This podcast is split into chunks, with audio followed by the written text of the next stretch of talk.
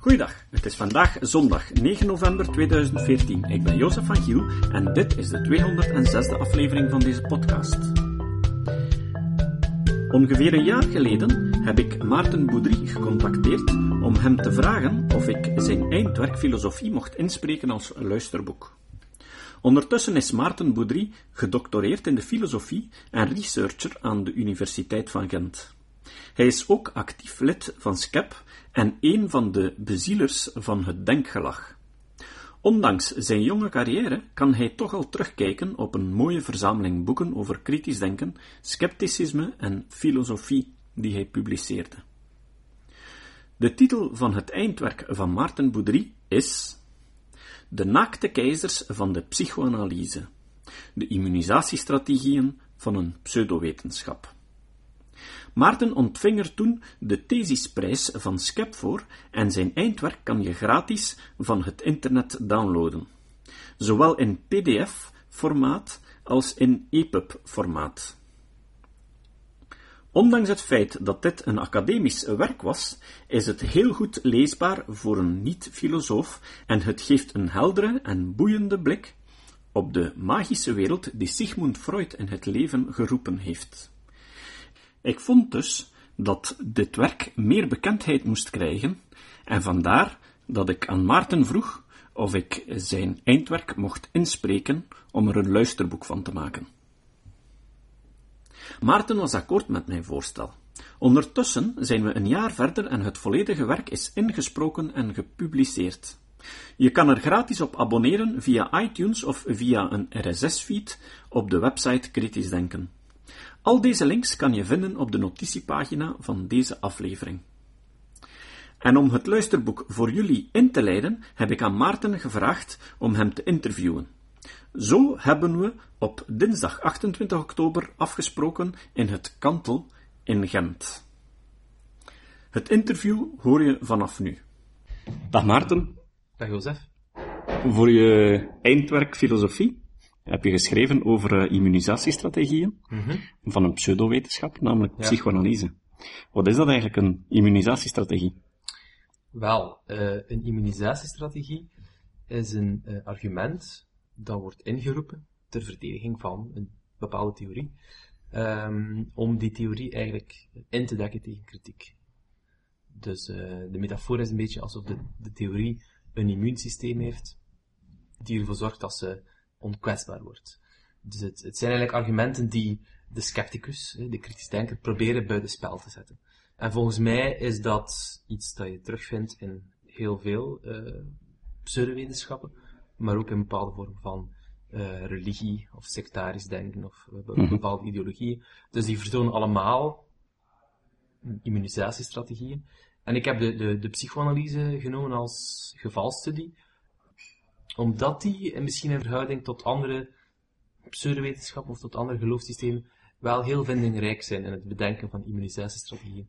Psychoanalyse is vooral interessant voor mij omdat het een, aan de ene kant een pseudowetenschap is, maar aan, aan de andere kant wel een theorie die nog altijd veel aanzien geniet, ook Mhm. onder intellectuelen en academische kringen en zo.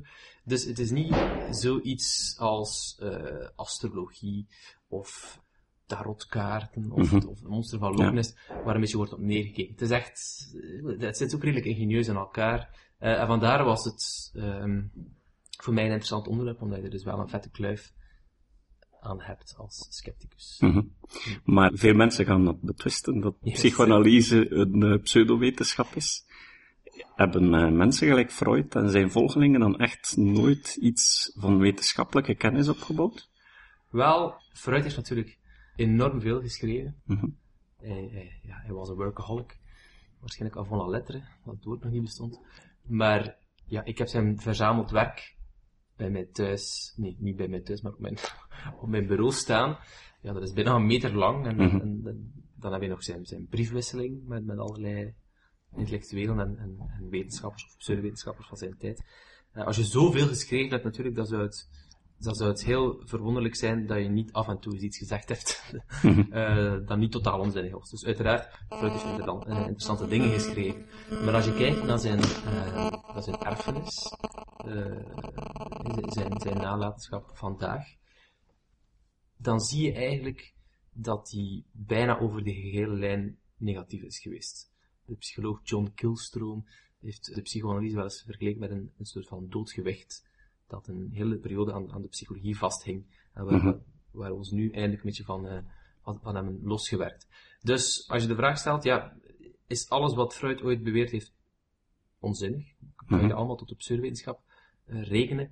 Wel, een van de problemen met de psychoanalyse is ook dat ze eigenlijk een beetje haar eigen geschiedenis heeft geschreven. Dus sommige van de dingen die Freud beweerd heeft, bijvoorbeeld over het onbewuste, over de rol van, eh, van seksualiteit, of eh, de vorm van psychotherapie die hij ontwikkeld heeft, eh, die heeft hij ook niet zelf bedacht. Maar dat waren ideeën die op dat moment al leefden, dus in, in de tweede helft van de 19e eeuw. Eh, maar wij zijn die wel gaan associëren, of zelfs gaan vereenzelvigen met Freud. Maar destijds eigenlijk was het vrij duidelijk voor Freud zijn, zijn tijdgenoten dat de psychoanalyse zich al die inzichten, al die therapeutische technieken probeerde toe te eigenen, terwijl ze daar eigenlijk helemaal ja, geen, geen aanspraak kon op maken. Freud heeft zich ook, ook voor een stuk gebaseerd op werk van, van eerdere filosofen ook, zoals Schopenhauer en Nietzsche, wat hij nooit echt ten volle erkend heeft. Mhm. Dus een vroege criticus van Freud, ik denk dat de psychiater Alfred Hosch zei, eh, was, die, eh, die heeft ooit eens laten optekenen van ja, die psychoanalyse van Sigmund Freud, wat er goed aan is, is niet nieuw, en wat er niet nieuw aan is, is niet goed. Mhm. Dus er zijn, er zijn wel ding- dingen die, die kloppen, maar dat zijn ook vaak de dingen die hij heeft overgenomen van, van andere Ja, mensen, van andere filosofen. Als je denkt aan de, de stukken uit de theorie die bijzonder zijn voor de psychoanalyse, die Freud zelf bedacht heeft, waarvan je echt kan zeggen, van, ja, kijk, dit, dit is iets waar, eh, waar Freud voor verantwoordelijk is, dan zou ik, zou ik, sterren, eh, eh, zou ik durven stellen dat, dat dat allemaal behoort tot de pseudowetenschap. Mhm. En is dan psychologie die wel serieuze wetenschap is?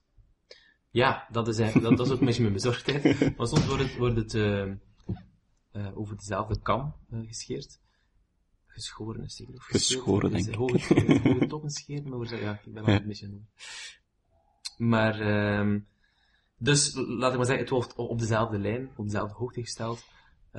Als de psychoanalyse een, een pseudowetenschap is, ja, dan moeten we meteen de hele psychologie overboord gooien. En dat klopt niet. En Mhm. Daarmee kom ik eigenlijk terug op het punt dat ik daarnet vermeldde, dat de psychoanalyse, net omdat ze haar eigen geschiedenis heeft geschreven, tot diep in de 20e eeuw eigenlijk een beetje vereenzelvigd werd met, met, met, met de psychologie. Mhm. Eh, als mensen dan aan, Ja. psychologie of, of psychiatrie dachten, dan, eh, dan dachten ze aan psychoanalyse. Dan dachten ze aan mensen die op de sofa liggen en Ja. over, en over hun dromen en eh, vertellen en die vrij associëren en zo.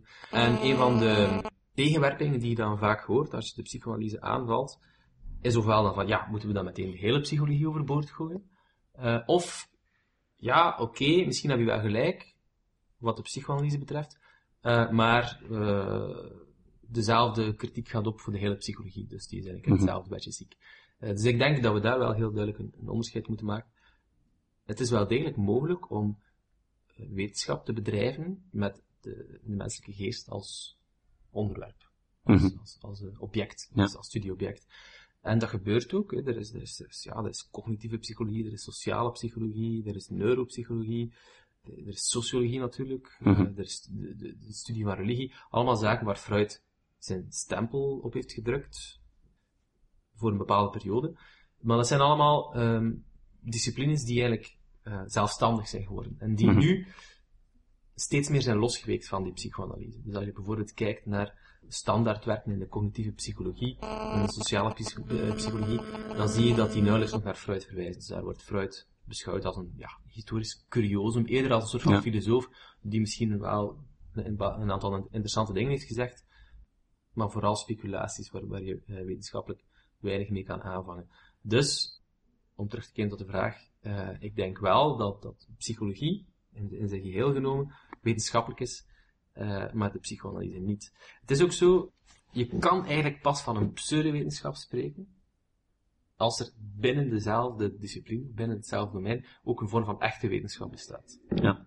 Eh, want pseudo ja, komt van het Grieks en betekent vals en onecht. Dus in die zin, In, in die zin eh, is, is, is, een, is, een, is een pseudowetenschap, zoals de psychoanalyse, een slechte imitatie van wetenschap. Dus iets Ja. dat zich als wetenschap voordoet, maar daar eigenlijk niet aan beantwoordt. Dus eigenlijk, ja, per definitie, als je spreekt over pseudowetenschap, veronderstel je eigenlijk al dat, dat, dat er ook iets als echte Ja. wetenschap bestaat en dat die mogelijk is. Dus astrologie bijvoorbeeld is geen pseudowetenschap in die, in die Wel, context. ehm je zou ze natuurlijk wel met astronomie kunnen vergelijken. Ja. Of, eh, het, het, het ligt eraan, als, als, als je de astrologie beschouwt als een theorie over de vorming van de menselijke persoonlijkheid, dan is het ook Mhm. een pseudowetenschap, omdat, ja, eh, Omdat ook- omdat er wel degelijk goede theorieën Ja. voor bestaan. Hè. We, Ja. we, we, we weten niets over de, de invloed van onze genen, bijvoorbeeld, of onze omgeving, op onze persoonlijkheid. Ehm, en dat, eh, dat kunnen we op een wetenschappelijke manier onderzoeken. Maar wat we ook weten is dat sterren of de constellaties van hemellichaam daar helemaal geen invloed op hebben. Dus daar zie je dat, dat ja, het, het gaat hem, pseudowetenschap ambieert eigenlijk hetzelfde als een, als een echte wetenschap. Ze proberen iets te verklaren. Ze proberen een theorie te bieden uh, als, uh, als raamwerk om een bepaald aspect van Mhm. de werkelijkheid te verklaren. Bij de astrologie is dat dan de, onze, onze menselijke, onze persoonlijkheid, of onze Ja. levensloop en, wat, en onze, Ja. ook een vorm van toekomstvoorspelling. In het geval van de, psychologie is dat de, me- de werking van de menselijke geest. Maar het is niet omdat die specifieke invullingen van die, ja, dus de, de specifieke verklaringen, omdat die foutief zijn of onzinnig, Mhm. dat, dat het niet mogelijk is om daar eh, wetenschappelijk onderzoek naar te doen. Ja, ja. Dus in tegendeel. Dus ik denk, ik denk bijna bij elke pseudowetenschap kan ik binnen dat domein een echte wetenschap gaan aanwijzen en die er tegenover stellen en zeggen van kijk, zo is hoe het wel moet. Mhm. Dit is een manier om wel wetenschap te bedrijven. Oké. Nu, misschien even terugkeren op eh, immunisatiestrategieën. Het is lang geleden dat je Ja. eindwerk geschreven hebt, maar eh, Het is al een beetje verdrongen misschien. wat, wat is misschien zo voor u een van uw geliefde immunisatiestrategieën die je in uw eindwerk beschreven hebt? Wel, de meest eh, beroemde immunisatiestrategie, die Freud misschien zelfs als eerste bedacht heeft, ik weet het niet, misschien is dat wel een van zijn verwezenlijking, is dat hij dus zijn eigen theorie heeft in stelling gebracht om het gedrag te verklaren van mensen die de theorie bekritiseren. Mhm. Eh, en dat gaat als volgt.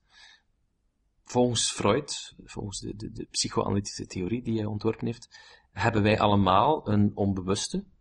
Mhm. Dat is een soort van verborgen reservoir in, ons, in ons hoofd, in onze mentale huishouding, die vol zit met verdrongen verlangens en driften en angst en wat nog allemaal. En ehm, die is ontoegankelijk voor ons bewustzijn. Mhm. Maar toch manifesteert hij zich op een bepaalde manier, bijvoorbeeld in onze dromen of in onze versprekingen, of in onze vrije associaties. En aan de hand van de psychoanalytische methode kan je dan achterhalen, door, door een interpretatie te doen, wat er zich in dat onbewuste bevindt. Mhm. Nu, het, het, merkwaardige aan dat onbewuste is dat het eigenlijk om een, een soort van homunculus in ons brein gaat. Het is ook een, een mentale entiteit die Mhm. over eh, een intentioneel vermogen beschikt. Dus die ook intenties, verlangens heeft, en wat nog allemaal, en die ook strategieën kan uitdenken. En als je bijvoorbeeld kijkt naar de droominterpretaties van Freud, dan zijn dat ehm, eigenlijk strategieën waarmee ons onbewuste ons om de tuin wil leiden. Dus we dromen eigenlijk over allerlei perverse en seksuele en agressieve eh, verlangens, maar niet openlijk, maar op een symbolische manier. Ja. Op een vermomde manier. Nu zegt Freud, ehm,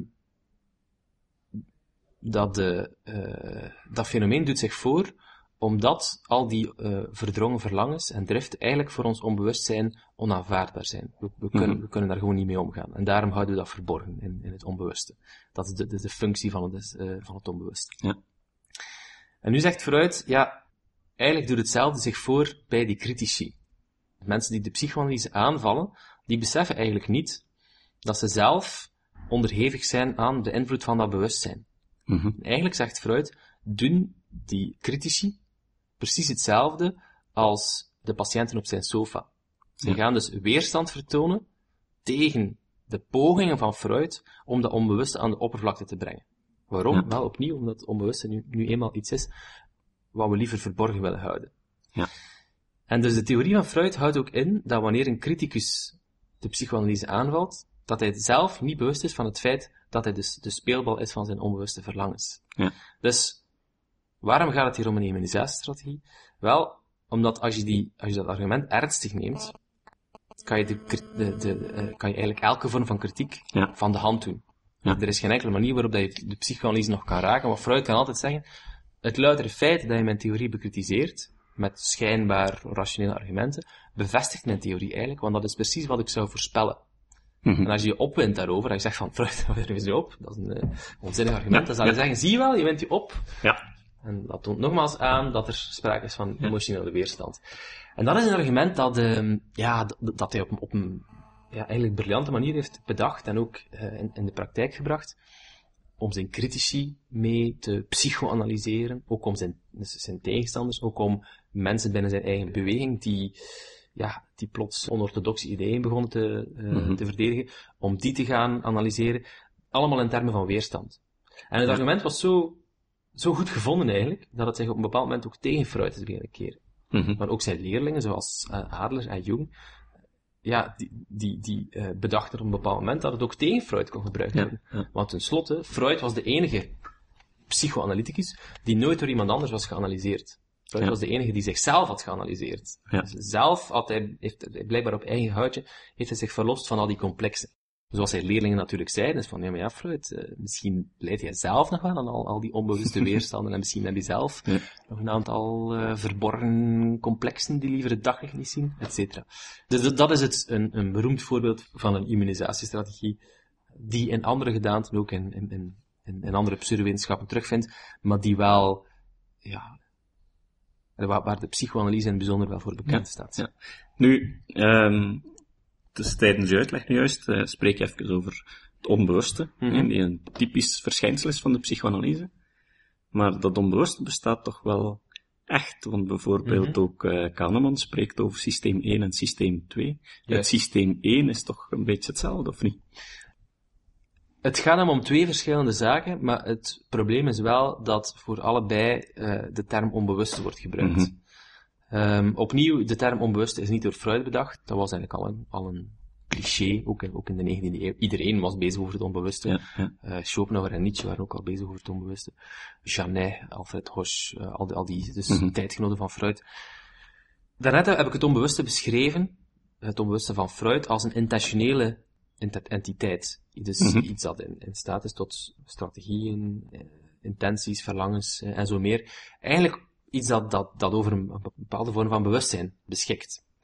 Het onbewuste dat je terugvindt bij Kahneman, en eigenlijk Mhm. in, in de hele eh, cognitieve psychologie, is van een totaal andere orde. Ja. Daar gaat het eigenlijk over zaken, over onbewuste processen, die nodig zijn voor, eigenlijk voor alles wat, wat dat we doen of laten in, in ons dagelijks leven. Mhm.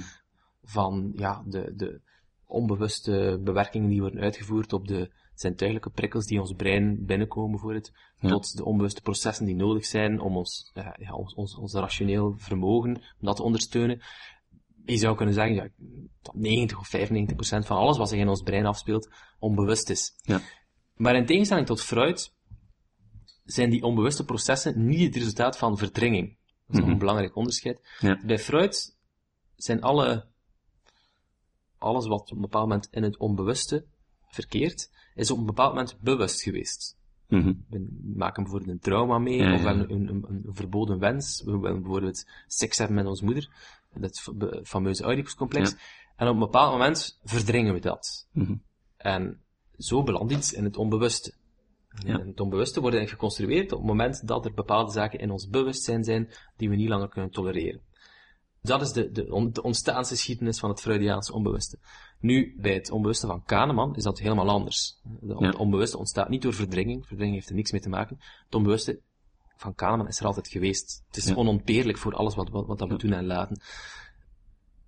En nog een verschil, ik, heb het, ik heb het in zekere zin al vermeld, is dat het onbewuste van Kahneman ons ook niet om de tuin kan leiden. Dus Ja. het is wel, het is iets dat, dat ons tot op zekere hoogte kan beïnvloeden, bijvoorbeeld door eh, subliminale perceptie of zo.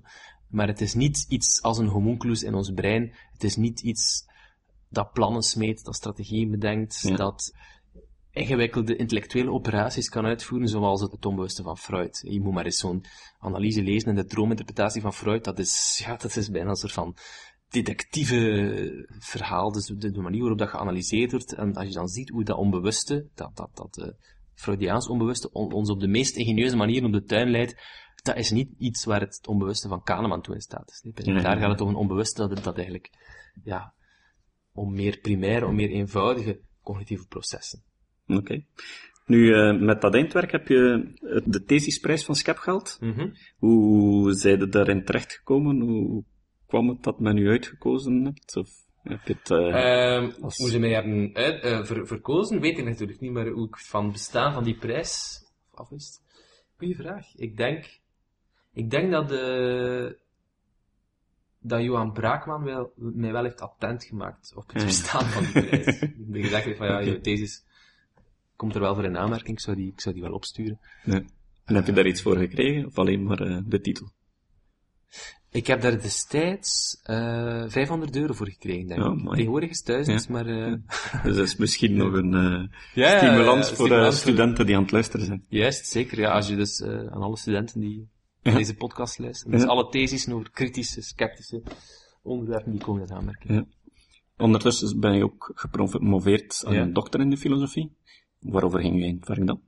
En dat is ook iets um, met scepticisme te maken, had ik begrepen. Ja, eigenlijk wel. Het, het ging hem eigenlijk om een, om een meer brede, overkoepelende analyse van uh, pseudowetenschap. Mhm. Dus die immunisatiestrategieën, die, die bekleden daar ook een belangrijke rol in. Maar het ging niet, niet alleen over psychoanalyse, maar dus over uh, pseudowetenschappen in het algemeen. Dus Ja. De titel van het werk was Here Be Dragons, Exploring the Hinterland of Science. Dus de, de metafoor die ik daar wat gebruik is alsof, alsof de, de wetenschap bekend terrein is. Hè. Filosofen hebben heel lang veel nagedacht over wetenschap, maar kennen eigenlijk weinig van pseudowetenschap. Omdat ze nou meestal niet de moeite vinden om te onderzoeken. Ja, dus evident fout en zo, astrologie en, uh, Ja. um, en, en, en, en homeopathie en, en dergelijke meer.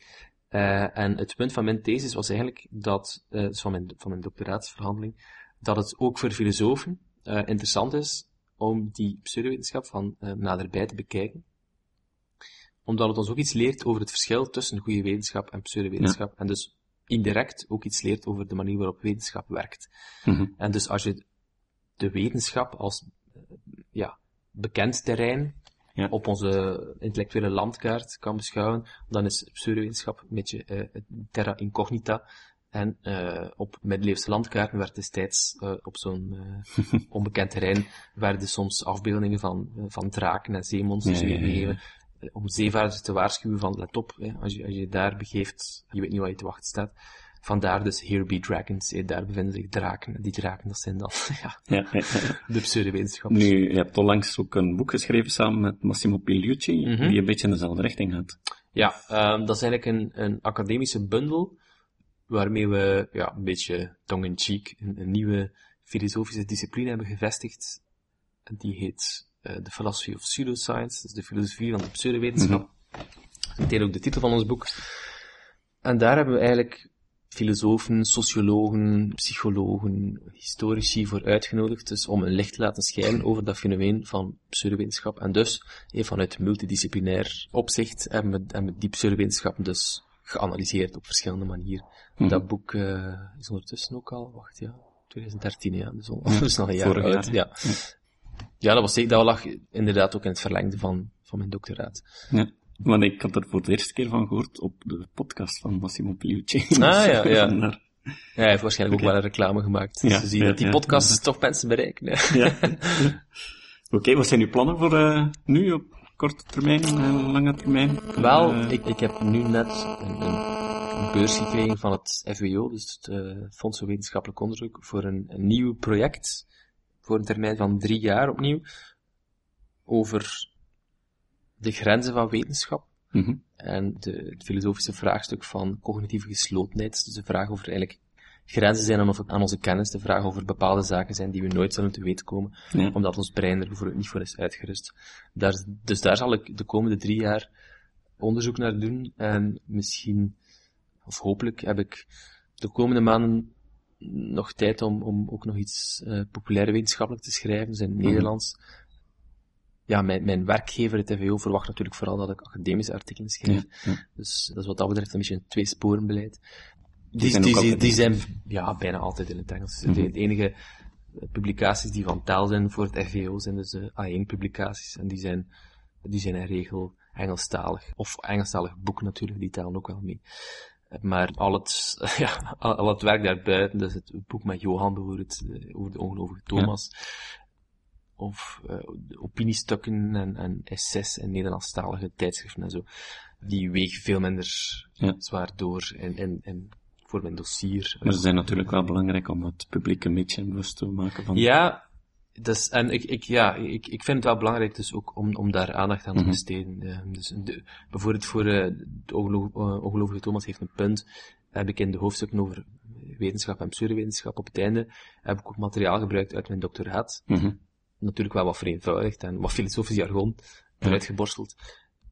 Maar ik denk dat dat wel belangrijk is. Dus ook om, om, om op die, om die, uh, om die twee sporen te werken. Dus aan de ene kant voor een filosofisch publiek schrijven, een academisch publiek, maar aan de andere kant toch ook aan uh, public outreach te doen, zoals het dan heet. Dus, en ik, ik, ik probeer dat in, in, in, de toekomst ook wel vol te houden. Want anders, ja, anders, de, de artikelen die je schrijft, dat op, die zijn wel belangrijk hoor, maar, maar ja, de, Blijft in een kleine kring. Blijft in een kleine kring. Het gaat ook enorm traag. Ja, als je een artikel opstuurt, duurt het vaak een jaar of langer tegen, tegen dat het gepubliceerd raakt. Ja. Uh, dus tegen dat ja, echt een, een, stempel kan drukken op een, op een onderzoekdomein, ja, dat, is, uh, dat, dat, neemt meerdere jaren in beslag.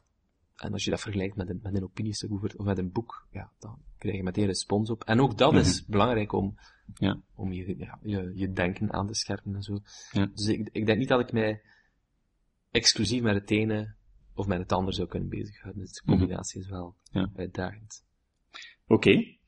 Bedankt voor de, het gesprek. Graag gedaan. Veel succes met uw verdere carrière. Dank u wel.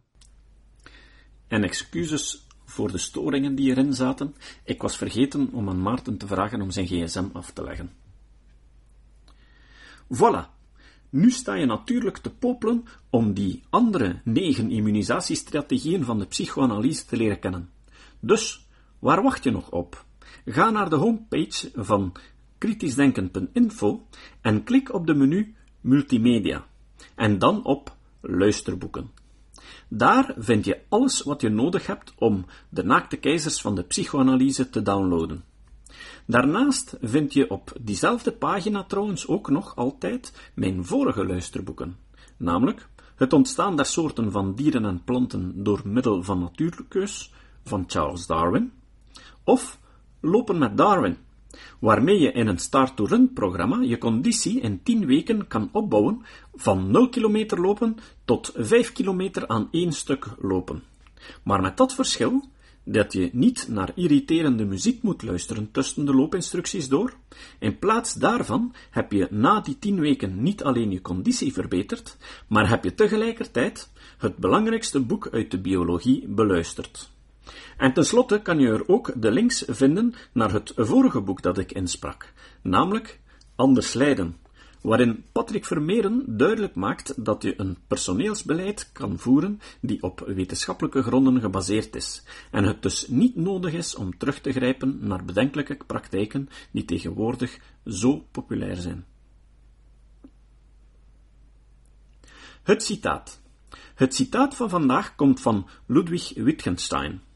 Wittgenstein was een belangrijke Oostenrijkse filosoof uit de eerste helft van de 20e eeuw. Het citaat heb ik uit De naakte keizers van de psychoanalyse gehaald. Wittgenstein zei: Freuds fantasievolle pseudoverklaringen, net omdat ze briljant zijn, leveren een slechte dienst. Nu heeft elke ezel deze figuren ter beschikking om allerlei ziektesymptomen te verklaren. Tot de volgende keer. Deze podcast is het resultaat van het werk van veel mensen. Rick de Laat verbetert bijna al mijn teksten en maakt de meeste vertalingen. Emiel Dingemans verzorgt onze website en Facebookpagina. Ook Leon Korteweg en Stefan Sutens schrijven, vertalen of verbeteren soms artikelen. Leon onderhoudt bovendien het YouTube-kanaal van deze podcast. De muziek van de intro en de trailer heeft Nick Lucassen geschreven en soms maken we ook gebruik van muziek van Ad van Nederpelt, die ons zijn prachtige composities ter beschikking stelt. Dit was de podcast Kritisch Denken. Vergeet niet om alles kritisch te behandelen, ook deze podcast. Voor verdere informatie over deze podcast, links en voor de tekst, surf naar www.kritischdenken.info. Als je deze podcast belangrijk vindt, kun je me steunen door anderen warm te maken ook eens te luisteren. Stuur een e-mail naar vrienden met een link naar de website en plaats de link in de handtekening van je e-mails. Tevens kun je op iTunes deze podcast een beoordeling geven of een recensie schrijven. Of je kan op je eigen website of blog een link naar kritisch denken plaatsen.